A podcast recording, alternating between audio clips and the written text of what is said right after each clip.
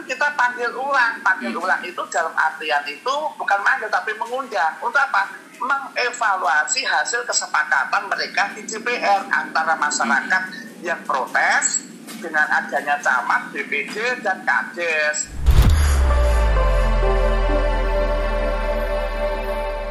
Iya, ini saya juga Siap, siap, siap. pengen menanyakan soal ini teman-teman eh, apa ya yang terkait dengan desa Pandayan ini lah ya.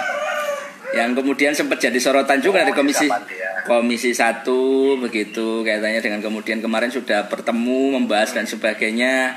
Nah ini mungkin bisa juga menjadi pembelajaran atau contoh bagi eh, eh, teman-teman di desa yang lain dalam pengelolaan misalnya katanya dengan pendapatan asli desa dan sebagainya.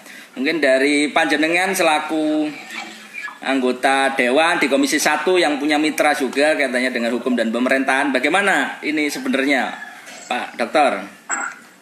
Oh gitu. Ya. Begini loh sebenarnya itu Ya. kan eh, segala sesuatu itu Mm-mm. segala sesuatu itu diawali dari bentuk tertib administrasi. Tertib administrasi ya. Tertib administrasi itu adalah sebagai bentuk tanggung jawab dan tanggung jawab. Ya. Hmm.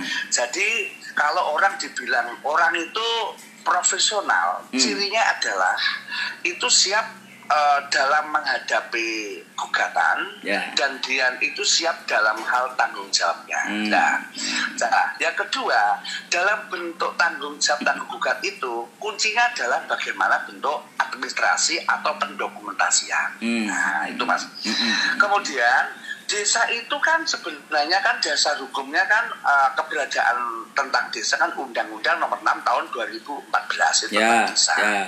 Kemudian tentang pengelolaan keuangan itu Permendagri Nomor 20 Tahun 2018 itu ayat 4 ya Hmm. di situ dijelaskan bahwa kepala desa itu mempunyai kewenangan untuk mengelola ya Hmm. potensi sumber-sumber pendapatan yang bisa meningkatkan pendapatan asli desa Hmm. itu Hmm. ya Hmm. Uh, kemudian ada lagi yaitu aturan yaitu Undang-Undang Nomor 31 tentang CSR dan Perpu Hmm. juga di situ Undang-Undang Nomor 31 Perpu 31 dan Nomor 13 Ya. Dengan demikian dasar itulah yang dipakai desa untuk melaksanakan kegiatan Hmm. dan di dalam uh, aturan ya aturan pengelolaan keuangan itu Hmm. kepala desa bertanggung jawab kepada bupati ya Hmm. tentang penggunaan anggaran melalui camat itu ya Pak. Ya, ya. Nah, di dalam LPC tahun 2019 ya Ya. eh, desa Pandean itu anu eh, LPG-nya pendapatan asli desa itu kosong. Hmm. Nah, Hmm. dengan kosong itu eh, otomatis ada warga yang bertanya kok bisa kosong padahal eh, sesuai Permendagri itu nomor 20 tahun 2018 itu tentunya bisa mengelola dan me- mengaktifkan potensi yang ada di lingkungannya salah satunya adalah hafalan-hafalan perusahaan Ya. jadi bukan limbah tapi hafalan gitu ya. Ya. Nah, dan kepala desa tentunya itu bisa mengaktifkan karena di dalam regulasi desa itu ada BUMDes yaitu Badan Usaha Milik Desa. Ya. Eh, komisarisnya itu otomatis kepala desa itu Hmm. berbicara tentang aturan.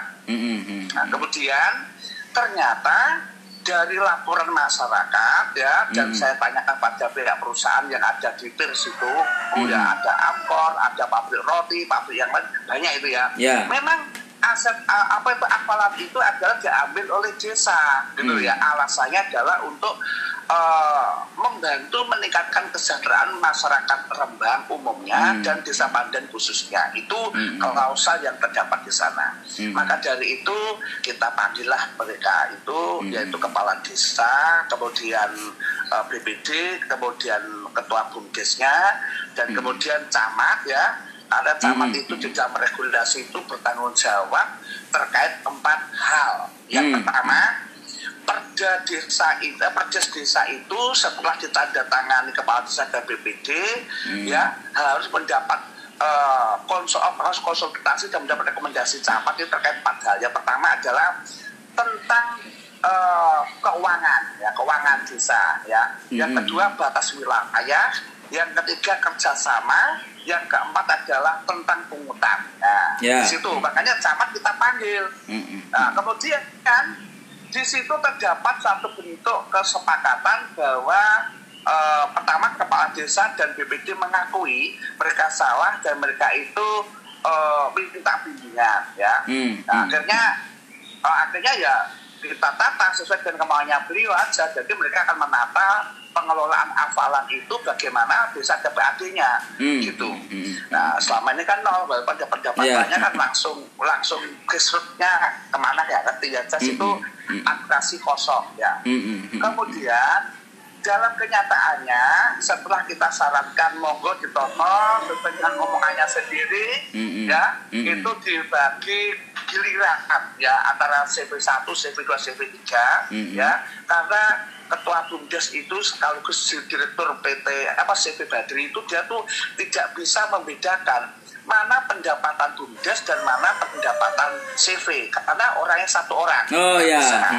Nah, yang kedua kalinya pikirannya bumdes itu yang dikeluar tuh hanya eh, anggaran yang dititipkan oleh desa yaitu pakai DD yang untuk membeli sapi ah, yang lain-lain itu dilupakan semua sehingga Jadi inventaris biasa ya. Iya, belum biasa. Sehingga mereka itu salah, setelah salah, Hmm. kemudian kita arahkan nggak mau, ya kemarin kita panggil ulang. Panggil Hmm. ulang itu dalam artian itu bukan manggil tapi mengundang. Untuk apa? Mengevaluasi hasil kesepakatan mereka di DPR antara masyarakat yang protes dengan adanya camat, BPD, dan Kades. Hmm. Nah, kemarin kami datangkan juga dari kepolisian dari Tipikor. Ya. Mm. Nah, Alhamdulillah yang datang itu lengkap itu bapak kasatnya, Mm-mm. lengkap seluruh seluruh anggotanya itu Ya. eh, dari kepolisian, inspektorat saya undang, DPMD saya undang, kemudian eh, camat saya undang, BPD. Dan lucunya pada waktu eh, upacara hasil hari santri Pak Kadis Pandian itu yaitu Pak Karim itu datang di kecamatan upacara ya. Ya. Ya. Ah, tetapi pada pelaksanaan datang ke DPR lebih dekat jaraknya nggak datang. Hmm. Ya, ngomong ke Pak Camat katanya sakit ya tak tanya ya kalau sakit itu ya suatu istilah dokter dong yang bisa sakit mendadak itu dua. Diabetes ya diabetes atau jantung. Kan lu mas ya? Iya, iya. kalau diabetes itu kan mendadak kan mati orangnya toh. Karena kan karena kan kurang darah. Terus yang kedua kalinya kalau jantung kan di jantung kan mati. Normal kan hari Mm-mm. kita melayat gitu ya. Atau orang itu masuk ICU kan gitu toh. Mm-mm. nah karena dengan data-data lengkap mereka itu kita bina karena seaturannya itu itu kalau 60 hari ya itu dalam dalam uh, masih domainnya inspektorat membina Hmm, tetapi hmm, lebih dari itu kan domainnya penegak hukum Iya. Ya. Loh ini Karena sudah lebih dari itu ya. Kok kemudian akhirnya menggelintir? Sudah. Oh sudah. akhir akhirnya ya kemarin itu dengan adanya hearing yang tidak dihadiri kepala desa yang mangkir saya bilang Hmm. mangkir kenapa mereka sehat kok dan mereka ngerti kok Hmm. tentang undangan maka eh, komisi sepakat kita membina sudah cukup dan kita sudah tidak mau nangani lagi maka kita alihkan atau kita rekomendasikan yaitu kita arahkan ke penegak hukum yaitu kita lempar ke, ke kepolisian ya Hmm. dan inspektorat sudah saya kasih tahu domain inspektorat permintaan sudah cukup selesai karena lebih 60 hari Hmm. jadi mulai kemarin itu ya eh, DPRD Komisi 1 Bidang Hukum Pemerintahan pemerintahan Hmm. itu mulai pendopo sampai desa dusun itu kurang komisi satu kita mengawasi sudah kami lakukan kita eh, Hmm. negosiasi untuk pembinaan sudah melakukan tapi karena mereka mangkir ya merasa raja kecil ya akhirnya ya Iya, saya, iya. saya lempar lempar sudah regulasinya Hmm. insya Allah masalah jerat pasal apa ya pasal polisi yang jelas itu yaitu melawan Permendagri nomor 20 Hmm. tahun 2018 ayat 4 yaitu eh, laporannya kosong ya padahal nggak kosong itu Hmm, Ah, harusnya itu- memang itu, ya begini, uh, mungkin itu salah satu uh, kasuistik ya yang bisa diambil dari ya. beberapa pelajaran. Tapi di sisi lain, ini kan juga harus bentuk bagian dorongan. Saya pikir masih banyak juga sih teman-teman di Pemdes yang rata-rata juga mengalami hal yang serupa. Bingung beda no antara ini yang dikelola yang mana, ini melebunang pendapatan PAD dana desa atau masuk di BUMDesnya dan rata-rata kalau ditanya piro PAD ini desa ini kayaknya hmm, gak ono sih seperti itu. Nah, apa sebenarnya yang sering dialami? Ketidakpahaman dalam proses pengelolaan, bahkan regulasi-regulasi kayak retribusi, ambil pungutan yang sifatnya itu itu malah bingung di masyarakat kita gimana ini, Pak? Dokter. Begini. Ya. Uh, sebenarnya karena regulasi atau dasar undang-undang yang dipakai berpijak Halo? Ya, ya, ya. Ya. Regulasi dan undang-undang yang dipakai berpijak dalam pelaksanaan pemerintahan di desa itu kan bukan satu tahun ini saja, hmm. tapi kan sudah lama. Hmm. Di dalam hukum itu ada bahasa fiksi, hmm. ya, hmm. fiksi. Tulisannya itu feel ya. Ya, ya, ya. Fiksi friksi itu masyarakat itu ngerti nggak ngerti itu harus patuh hukum. Hmm. Nah, di situ nanti insya Allah cobalah nanti kita tingkatkan yaitu uh, pendidikan yeah. atau bimtek para kepala desa, hmm. bimtek uh, eh, BPD dan bimtek pendamping desa, ya supaya nanti mereka itu mengetahui persis tentang uh, bagaimana tentang regulasi yang sebagai dasar kebijakan di pemerintahan yeah. desa. Paling tidak selain mendorong bumdes juga ditanya, sampean hmm. PAD ini ada atau tidak ada? Ternyata nanti lebih banyak tidak ada, padahal bumdesnya ada. Itu bisa nah. terjadi juga itu misalnya. Nah. iya, jadi kak, gini loh, kadang-kadang mereka itu gini ya, Pak Abio, hmm. Pak Abio. Hmm. Uh, megah moco atau mas moco. Yang hmm. kedua, megah tahu atau enggak nggak mau tahu. Hmm. Yang ketiga lebih parah ya. Yeah. apatis ya masa bodoh betul ya hmm. jadi itu yang penyakit itu harus kita hilangkan kuncinya hmm. begini membangun suatu peradaban yang baik itu perlu proses prosesnya hmm. diawali satu kita harus kiat ya kita harus legowo nek memangnya nggak ngerti ya nggak usah malu kita hmm. harus tanya harus hmm. tahu minimal membaca hmm. maka dari itu nanti kita awali ya di di pemerintahan Kabupaten Pasun nanti kita nganggarkan mm-hmm. untuk membintek kepala desa karena yeah, tahun tahun ini kan belum kita bintek mm-hmm. ya padahal aturannya sudah tahun 2015 mm-hmm. gitu ya nah itu yang yang yang yang, yang pertama lah kita yang kedua mm-hmm. mohon dapatnya itu masing-masing uh, apa namanya itu uh, bumdes ya direktur bumdes atau atau atau ketua bumdes itu harus sadar bahwa kepala desa itu adalah komisaris. Oh ya benar. Ya. benar. Nah, dan apa pun yang dilakukan bumdes itu komisaris bertanggung jawab penuh terhadap aturan, terhadap hmm, laporan. Hmm, hmm. Nah, jadi kalau memang kita mau bermain cantik ya, potensi-potensi yang bisa menghasilkan pendapatan desa itu semua wajib masuk bumdes. Ya, hmm. tanah kok, ya, ya betul. kok, kemudian kalau ada lagi retribusi yang lain-lain wajib masuk bumdes jangan begini mentang-mentang pokoknya kades ya kepala desa. Langsung diuruk sendiri langsung dipakai parkir sendiri ya. Langsung dipakai pasar sendiri pendapatannya dipekdir kepala desa. Loh itu gak bener karena hmm. ada aturannya.